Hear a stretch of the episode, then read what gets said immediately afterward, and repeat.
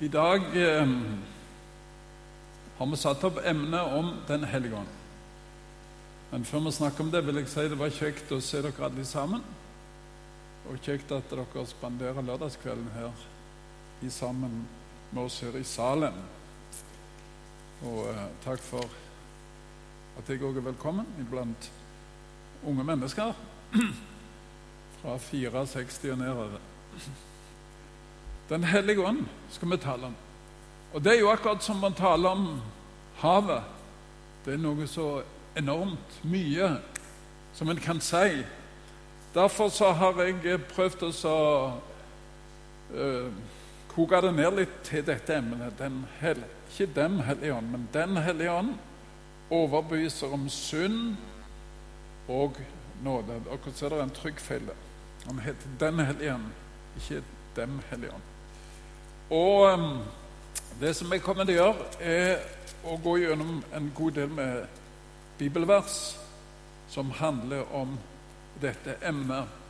Og når man kommer inn på Den hellige ånd, så sier kanskje folk ja, det er spennende.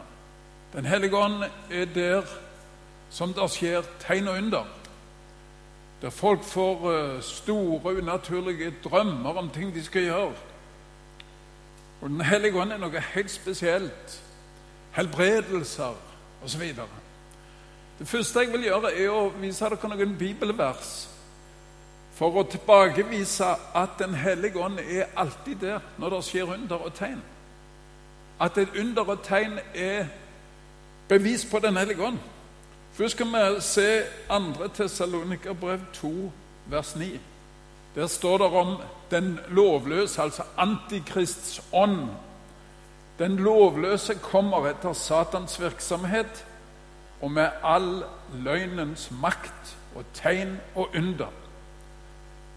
Når vi taler om Den hellige ånd, så må vi være klar over at det er òg ei falsk ånd som, som hermer, imiterer Den hellige ånd og gir seg ut for å være Den hellige ånd, men som forfører menneskene.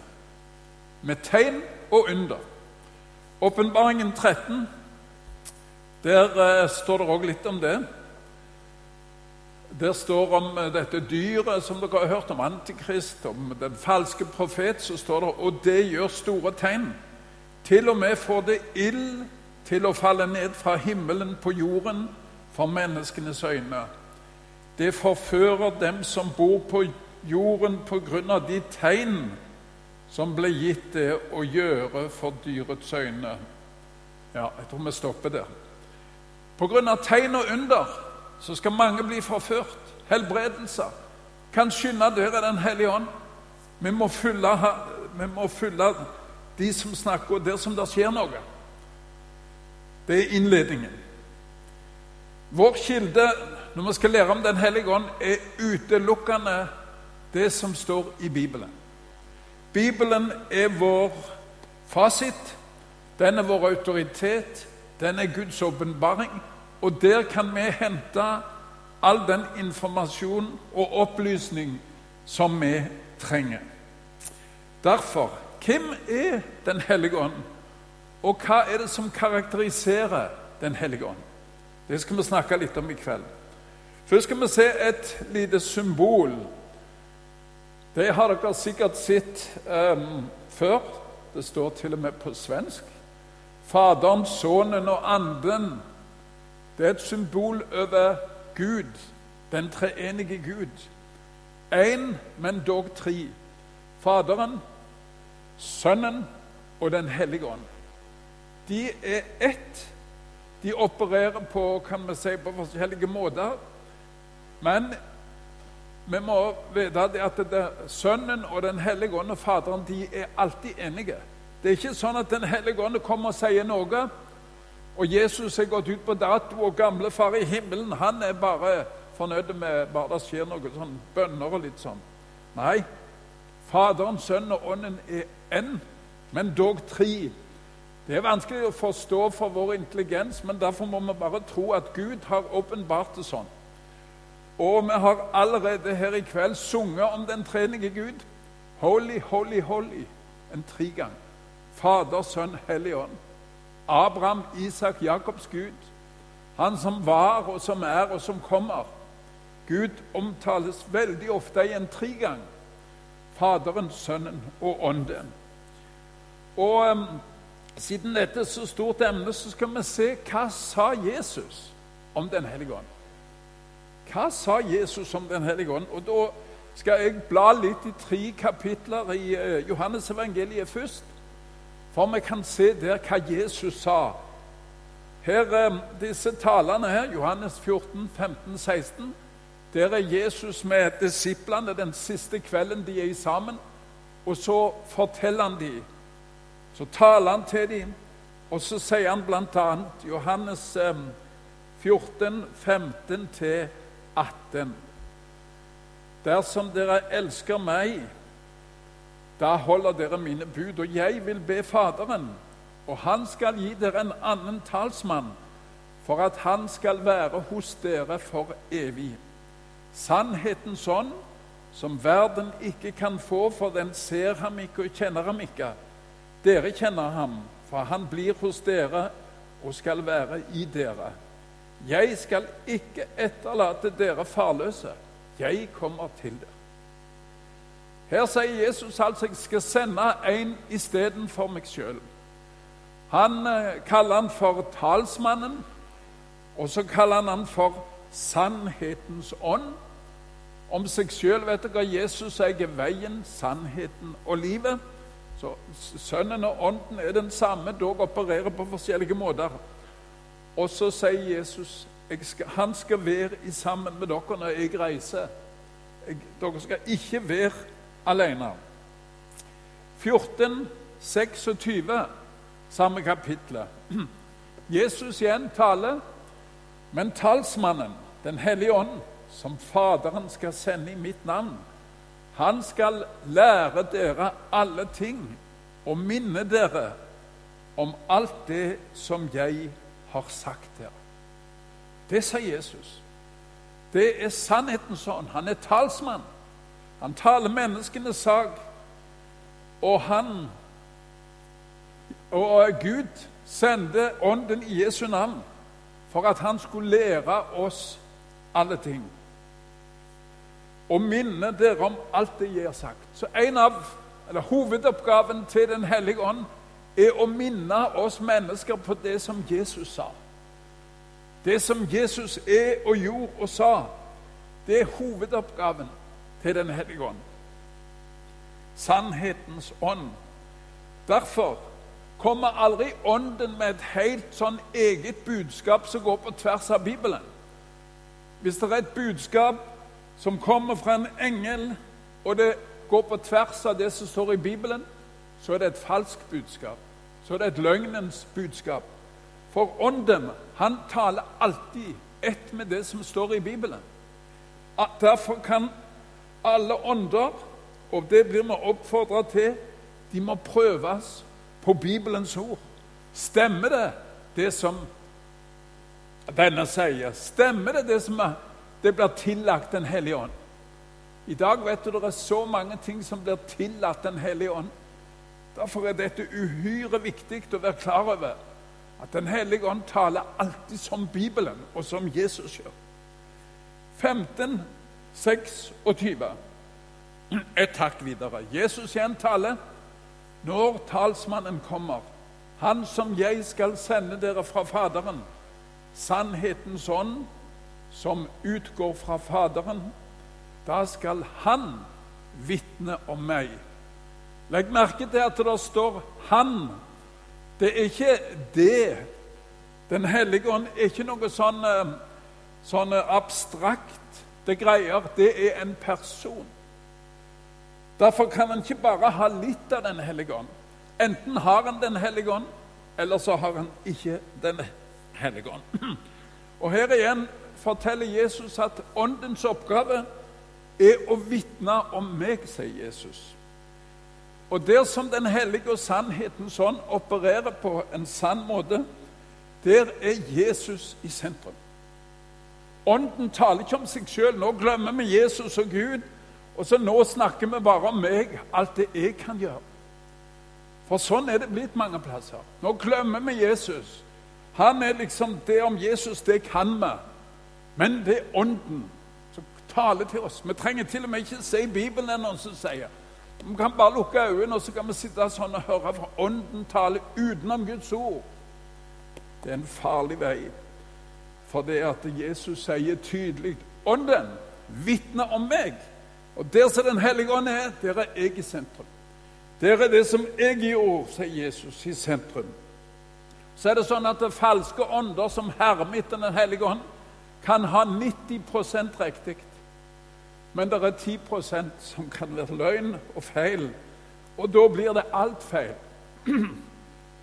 Derfor, hvis du kommer over, ser på Internett, eller du hører tale, du snakker med andre kristne, og de sier 'Jeg er fullt av Den hellige ånd', 'Jeg har Den hellige ånd', 'Den hellige ånd talte til meg sånn og sånn'. Prøv å spørre det testespørsmål. Hvem er det som er stor? Gjør han meg stor, eller er Jesus stor? Hvem er det som får ære? Er det jeg som får ære, eller er det Jesus får ære? For det er en tendens til at det er vi som skal bli store, det er vi som er gode, det er vi som må ha ære. Da er det mest sannsynlig en falsk ånd. Hver kapittel 16, vers 7. Et hakk videre, samme talen. Men jeg sier dere sannheten, det er til gagn for dere at jeg går bort. For dersom jeg ikke går bort, kommer ikke talsmannen til dere. Men går jeg bort, da skal jeg sende ham til dere. Jeg går bort, sier Jesus. For Jesus han sa det er til gagn for dere. Det vil bli veldig bra for dere når jeg går bort. Så kommer talsmannen, så kommer Den hellige ånd. Og hvorfor sa Jesus det? Jo, for Jesus han hadde begrensa seg sjøl. Fysisk gitt seg sjøl en fysisk begrensning. Han hadde tatt på seg et menneskelig legeme. Og for å si det sånn, litt naivt, men han kom så langt som han klarte å gå. Og han klarte å reise. Han reiste aldri utenom Israel. Han var ikke i Egypt, han var ikke på Kypros, han var ikke i Hellas. Derfor er det til gagn for dere at jeg går bort, sier Jesus, for da sender jeg Ånden. Og han er alle steds nærværende. Alle steds nærværende. Vi hadde en liten bønnestund i andre etasje før vi begynte møtet. Og da var det en som ba for et møte som er på, Holm, nei, på Lundanes i kveld. Så tenkte jeg så fantastisk. Den hellige ånd er på Lundaneset, og så er han her, og så er han i Amerika, og så er han i Sør-Afrika på samme tid. Det er til gagn for dere at jeg går bort. For når Ånden kommer, så kan han være alle plasser på en gang. Og så er det Jesu ånd. Dere har hørt uttrykket 'omnipresent'. Alle steds present. Alle steds nedværende på en gang. En fantastisk ånd som kan være overalt.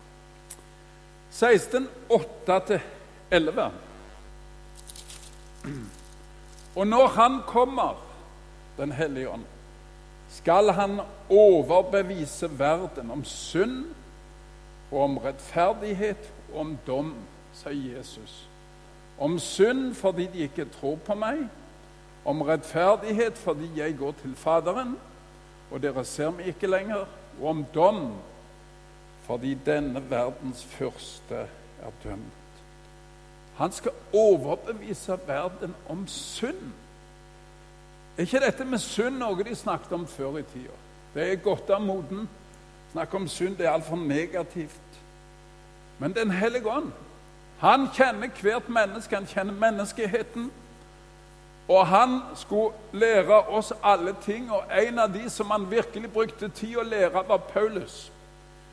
Og hør hva Den hellige ånd sier gjennom Paulus om oss mennesker. Sett ifra The Holy, Holy, Holy, den, den hellige Gud. Romerbrevet kapittel 3, vers 10-18. Romerbrevet 10, vers 10-18. Her taler Den hellige ånd gjennom Paulus om oss mennesker, sett ifra Guds hellighet. Det er ikke én rettferdig, ikke en eneste. Det er ikke én som er forstandig, og ikke én som søker Gud. Ingen av dere ville kommet til møte her i kveld eller søkt Gud hvis det ikke var for Den hellige ånd. Alle er veket av.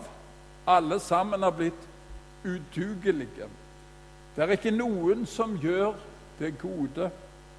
Ikke en eneste. Deres struper en åpnet grav, de bruker sin tunge til svik, ormegift er under deres lepper. Deres munn er full av forbannelser og bitterhet. Raske er deres føtter til å utøse blod. Ødeleggelse og elendighet er det på deres veier. Freds vei kjenner de ikke, Guds frykt er det ikke for deres øyne. Nå ser jeg nesten at noen rynker på nesen og sier altfor negativt. Vi trenger ikke høre alt det negative. Give us some good news. Menneskene liker ikke å høre det. Og dette er altfor negativt. Vi er jo gode med mennesker. Så sier Den hellige ånd, sett ifra Guds lys, så er det ingen som gjør godt. Det er heller ingen som søker Gud. Og det at du søker Gud, det er et bevis på at Den hellige ånd allerede har virka på deg gjennom ord som du har hørt, eller gjennom foreldre, gjennom søndagsskole. Ellers hadde du aldri kommet på å søke Gud. For uh, dette syndefallet gjorde det sånn at menneskene ville ikke ha noe med Gud å gjøre. Og er et bevis på at Gud han går og leter opp sine igjen.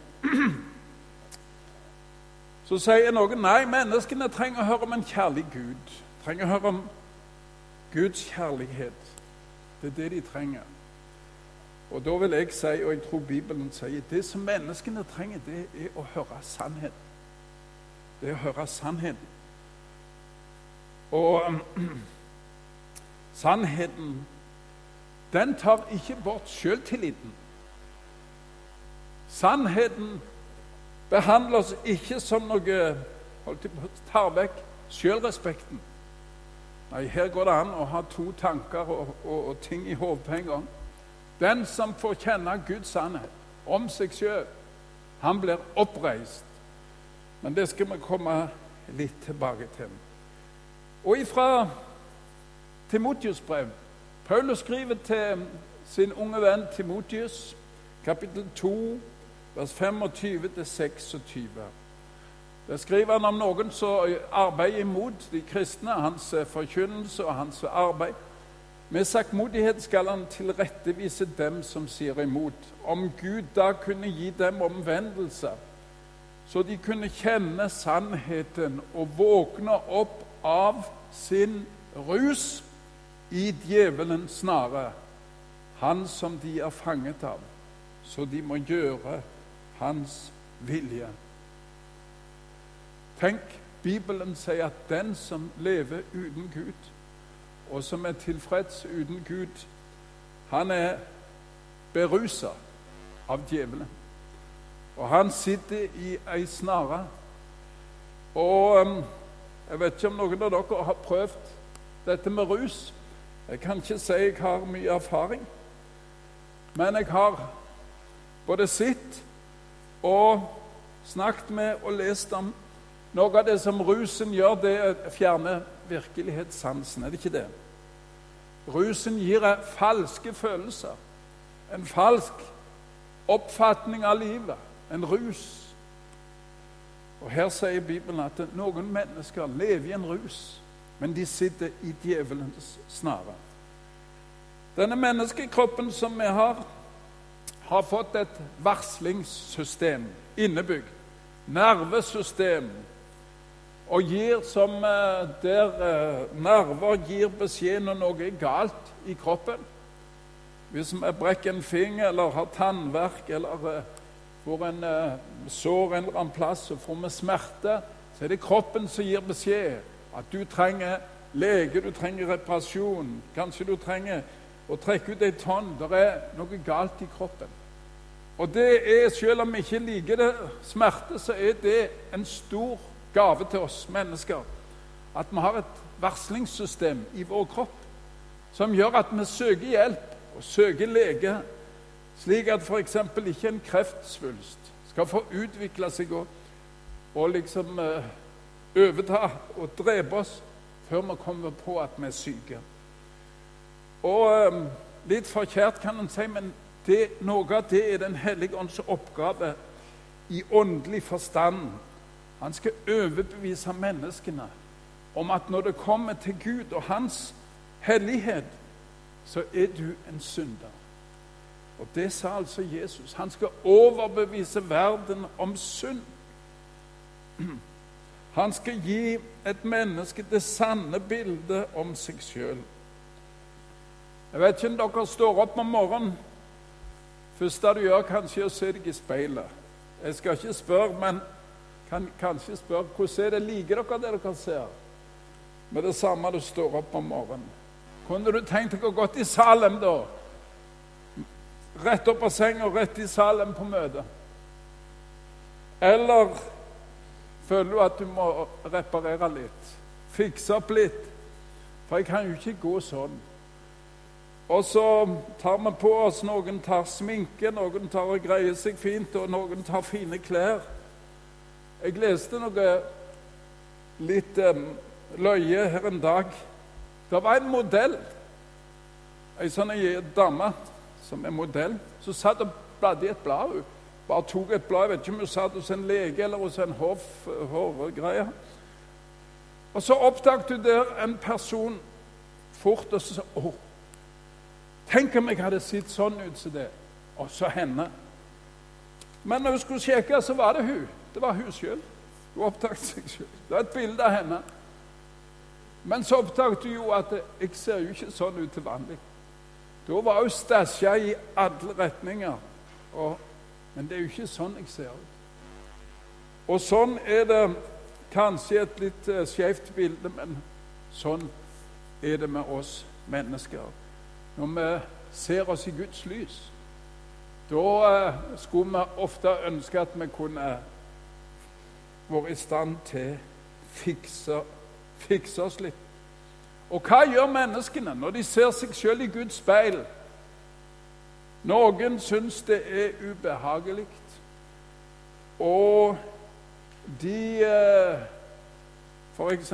hvis de går i Salem og hører en tale som dette, så tenker de jeg vil ikke gå der med. For det var så ubehagelig. Han snakker bare om synd og sånn. Så går de kanskje i en annen forsamling der de ikke snakker om sånne ting som det. Noen flykter fra Guds ord. Jeg vil ikke høre om det. For de er truffet av Guds ord som påpeker ting i deres liv. Og de forstår det at når det kommer til Gud, så ligger jeg tynt an. Andre prøver å pynte på fasaden med å gjøre gode gjerninger. tenker Jeg skal virkelig prøve å forbedre meg. Det har ikke vært så Jeg er enig i at jeg, jeg kunne vært en bedre kristen, men så har vi en del unnskyldninger også greier. Når Den hellige ånd avslører oss og sier oss sannheten, hva skal vi gjøre med det? Og hva gjør vi med det? Og ehm, jeg har lyst til å spørre dere som er her, om meg sjøl. Når du ser deg sjøl i Bibelens speil, enten det er morgenen eller kvelden eller midt på dagen Hvis du sammenligner deg sjøl med Bibel holy, holy, holy, hellighet, Guds hellighet, hva ser du da? Er det da sånn at yes, jeg kan tikke av ja, jeg har eh, klart det, og jeg har klart det, og jeg har klart det? La oss sjekke litt. For Den hellige ånd bruker Guds ord, han. Og så setter han lyskaster på oss, og så vil han avsløre oss. Han vil vi skal sammenligne oss sjøl med hans ord. Vi kan begynne med noen få bud, f.eks. Du skal ikke ha andre guder enn meg. Hvem er viktigst i mitt og ditt liv? Er det Gud, eller er det oss sjøl? Eller er det andre mennesker, eller er det andre ting? Vi kan prøve oss på dette. Du skal hedre din far og din mor. Står det.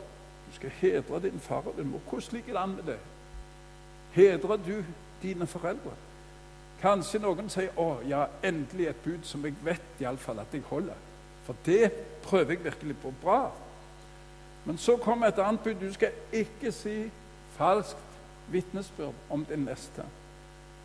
Altså, du skal ikke baktale osv. Du skal ikke ødelegge ryktet til dine venner eller holdt jeg på å si, fiender. Hvordan er det med det? Strekker du til der? Hva med sannheten? Du skal ikke begjære. Det er to bud om å ikke begjære. Ikke være misunnelig og ha lyst på ting som vennene dine har lyst på, og få vonde følelser og være misunnelig.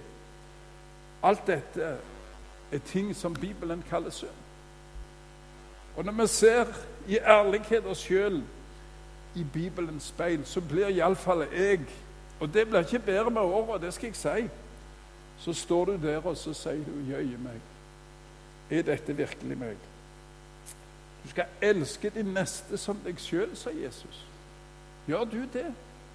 Elske din neste som deg sjøl. Til og med den du ikke liker. Du skal tenke alltid på de andre først. Gjør vi det? Det er ikke vanskelig å se at det noen hver så kan vi komme til kort. Og Da skal vi lese litt fra første Korinterbrev. Der skriver Paulus en del ting i, vers, i kapittel 6, vers um, 9 og 10. Eller vet dere ikke at de som gjør urett, ikke skal arve Guds rike? Far ikke vil, verken horkarer Det er sånne som bryter seksuelle synder. Eller avgudsdyrkere. Ikke bare de i Afrika, de som har seg sjøl til avgud, som setter ting før Gud. Eh, eller ekteskapsbrytere, eller de som lar seg bruke til naturlig utukt, eller menn som øver utukt med menn, eller tyver, eller pengegriske. eller drankere, eller baktalere, eller røvere, skal arve Guds rike.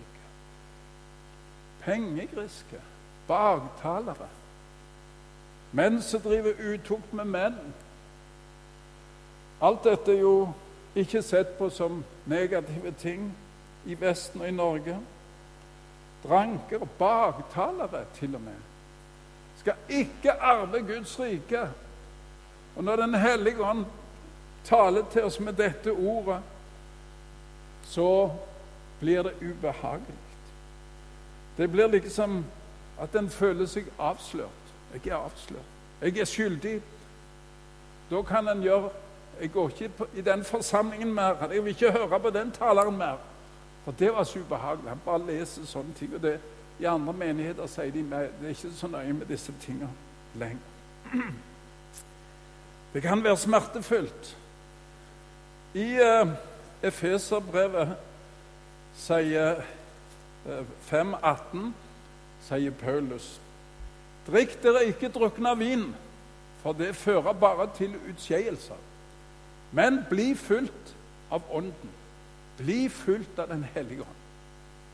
Ja, i Romerbrevet står det at det er kun de som har Guds ånd, som har, hører Jesus til, som er troende, sanne troende mennesker. Og um, kanskje når du hører en sånn tale som dette her, om å sette Gud først, så tenker du OK Jeg eh, må innrømme at jeg har ikke vært noe særlig god kristen i det siste. Bibellesning og bønn er på altfor dårlig. Selvopptatthet Jo, jeg føler meg litt truffen der. Jeg har baktalt. Og i det hele tatt så er det jeg som er i sentrum i mitt liv, og som er det viktigste. Og kun det som er behagelig for meg, kun det gjør jeg, eller ikke gjør. Vanner i de andre, osv. Og, og så tenker mange det som jeg skal gjøre, jeg skal ta meg i sammen. Fra nå av skal jeg forbedre meg. Fra nå av skal jeg forbedre meg. Så fra nå av skal det bli skikk på mitt kristenliv. Og så kan jeg fortelle deg det at det er det som meget jeg ser av synd i vår liv, av negative ting, det er bare toppen av isfjellet. Hvis du tar deg sammen, hvor lenge varer det? Jeg har prøvd mange ganger. Nå skal jeg virkelig ta meg sammen. Så varer det den uka. Så renner det ut i sanden. Det er vanskelig å ta seg sammen. Tilbake til det som Jesus snakker om. Johannes 16 og vers 13 og 14. Når Han kommer, sannhetens ånd, skal Han veilede dere til hele sannheten. For Han skal ikke tale av seg selv, men det Han hører, skal Han tale, og de kommende ting skal Han forkynne dere. Han skal herliggjøre meg, for Han skal ta av mitt og forkynne for dere. Han skal veilede dere til hele sannheten. Han skal overbevise om synd, og nå har jeg talt litt om synd. Men Den hellige ånd stopper ikke der. Og det er synd for den som sier 'Nå går jeg, jeg vil ikke høre han mer negativt'. For det er bare halve sannheten. Dette med det Gud finner i vårt liv når han setter lyskasteren inn, det er bare halve sannheten. Og det er ikke det først og fremst han har lyst til å dele med oss, denne hellige ånd, når han veileder oss til hele sannheten. For det han har virkelig lyst til å vise oss, det er hvem Jesus er. Han skal ta av mitt og forkynne for dere. Han skal herliggjøre meg, sa Jesus om Den hellige ånd. Den hellige ånd, han peker på Jesus. Og så Han sier det er elendig med deg, ja, men du trenger ikke fortvile. For her, det som Jesus gjorde, han har betalt alt det samme. Han har gjort opp regningen. Og han kan reise opp den falne og ta seg av den som har svikta. Derfor er det synd på disse stikkene når Ånden begynner å tale om ting i vårt liv som ikke er rett. Så ikke, ikke spring av. For Den hellige ånd har noe fantastisk mer å fortelle oss. Efeserbrevet 5, 14 oppfordrer Paulus uh, de troende Våkn opp, du som sover. Stå opp fra de døde, og Kristus skal lyse for deg. Du som er kristen, om du lever som de døde De som, Altså ikke de som ligger i gravene, men de som lever i åndelig åndelig død? Lever du som de? Eller tar du til deg av det som Den hellige ånd vil vise deg og fortelle deg om Jesus? Første Korinterbrev 6, vi leste der eh, vers 9 og 10 om de som ikke skal arve Guds rike. Men så fortsetter Paulus. Slik var det en gang med noen av dere. Sånn var det med noen av dere, sier han. Men dere har latt dere vaske rene. Dere er blitt helliget. Dere er blitt rettferdiggjort i den Herre Jesu navn og i vår Guds ånd.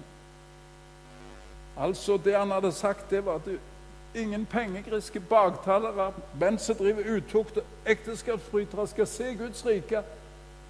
Dere var sånn en gang, sier han til de kristne i Korint. For det var hedenskap. Og Kanskje du føler deg truffet av noe av dette, og så sier du 'sånn var jeg òg', 'sånn er jeg òg'.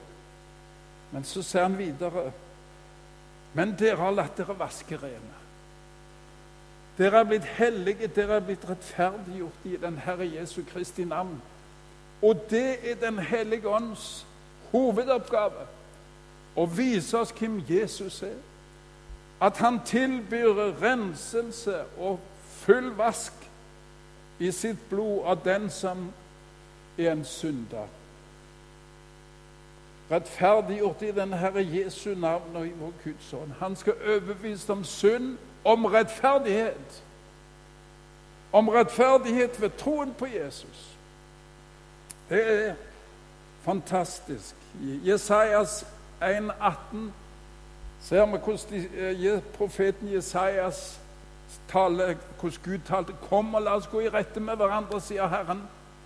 Om dere syndere som purpur, skal de bli hvite som snø. Om de er røde som skarlagen, skal de bli som den hvite ull.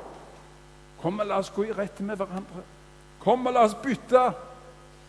Jeg tar din elendighet, sier Gud, sier Jesus, og du får min nåde. Jeg tar din synd, og du får min tilgivelse. Og det er Den hellige ånds oppgave. Herliggjør Jesus. Så når Den hellige ånd viser oss det negative og synd i vårt liv, så er det ikke for å fordømme oss. Det er ikke for å trykke oss ned og ødelegge vårt selvbilde, men det er for at du og jeg skal ha behov for Jesus. Du og jeg skal ha behov for Jesus. Det var en menighetsleder her i Stavanger som sa til meg det der med kors og Jesus, det kan vi jo. Nå er det under vi er interessert i. Og Da måtte jeg virkelig spørre meg sjøl kan vi virkelig det. Kan vi virkelig det? Når samvittigheten anklager, og en ser det at det, er noe synd i mitt liv Kan jeg dette med Jesus på korset? Nei, vi trenger å bli minnet om det på nytt igjen og nytt igjen. Og det er Den hellige ånds primæroppgave. Det er mye større det enn alle under som kan skje når en person får tillit til at min synd er tilgitt. Jeg er et barn av Gud. Gud gir meg sin nåde, han kjenner meg på navn. Dette er Den hellige ånds første oppgave. Den som prøver å fortelle deg noe annet, han trenger å lese litt mer i Skrift. Det står mye om åndens gaver, ja, det står det. Men alt har sitt utspring i at Jesus er stor og Hans navn skal utbredes. Den hellige ånd hjelper oss til å få barnekår til Gud. At Gud blir som en god far. Jeg kan komme til Han, jeg kan mase på Han, jeg kan komme til Han i mine nederlag. Og så vet jeg det at Han støyter ingen bort som kommer til Han. Og det skal da Den hellige ånd til gi oss frimodighet til. For vi vil veldig fort bli mismodige og miste frimodigheten. Nå har jeg kommet til Gud så mange ganger og sagt jeg skal prøve å gjøre det ble, og og så faller jeg tilbake. Og da er Gud som den beste far. Det gjør ingenting om du kommer på nytt igjen, for jeg er klar til å ta imot deg. Og Den hellige ånd gir oss frimodighet til å komme fram for Gud. Og så viser han oss Jesus har ordnet opp for deg. Du skal få være hans barn. Du skal få være Guds barn av bare nåde, selv om det gikk gale, og selv om du svikta til og med som en kristen. Til og med om det er synd i ditt liv som en kristen, så skal du få lov å komme tilbake igjen. Og så er Jesus rede til å tilgi. Dette er Den hellige ånds arbeid og oppgave som jeg kan si den åndens hovedoppgave. Jeg sa til å begynne med å snakke om ånden er som å snakke om havet. Det er så mange ting å si, men la oss konsentrere oss om hovedoppgaven. Sannhetens ånd. Han vil vise oss sannheten om oss sjøl. Du og jeg trenger Jesus hvis vi har tenkt oss til himmelen. Og så Han vil vise sannheten om oss. Og så vil han vise sannheten om Jesus. For sannheten om Jesus den har du og jeg bare sett bitte litt av. Bitte litt av. Den er så fantastisk. Tenk at han har gjort opp for meg, og at jeg er barn av Gud, som har skapt himmel og jord. Og at jeg går imot en evighet i himmelen i sammen med ham. Så derfor vil jeg si på nytt igjen Testen, prøven på om en ånd eller et budskap gir seg ut for å være Den hellige ånds budskap, er om det er Jesus som blir stor. Djevelen har mange avledningsmanøver og setter oss i sentrum.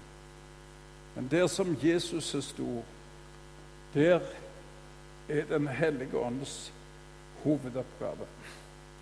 Den hellige ånd skal overbevise verden om synd, rettferdighet og om dom rettferdighet pga. det som Jesus har gjort. Og Helt til slutt, Galaterne 6, 7-8. Far ikke vil, Gud lar seg ikke spotte. Det et menneske sår, det skal han også høste. Den som sår i sitt kjød, skal høste fordervelse av kjødet. Men den som sår i ånden, skal høste evig liv av ånden. Å så i sitt kjød, det å sette seg sjøl først. Og gjøre det som behager meg, uansett. Elske seg sjøl først. Og så i ånden. Det betyr å være barn av Gud og vandre med ham og gi Han rett i vårt liv. Så får vi så i Den hellige ånd, og så skal vi en dag få høste evig liv gjennom Den hellige ånd. For uten Den hellige ånd så har du og jeg ingen sjanse til å nå himlenes rike og hans evighet. Men hva var det Jesus sa som vi leste til å begynne med? Jeg skal ikke etterlate dere farløse. Den hellige ånd er vår far, som leder oss gjennom livet med det for øye at en dag skal du og jeg få være sammen med Jesus i evighet.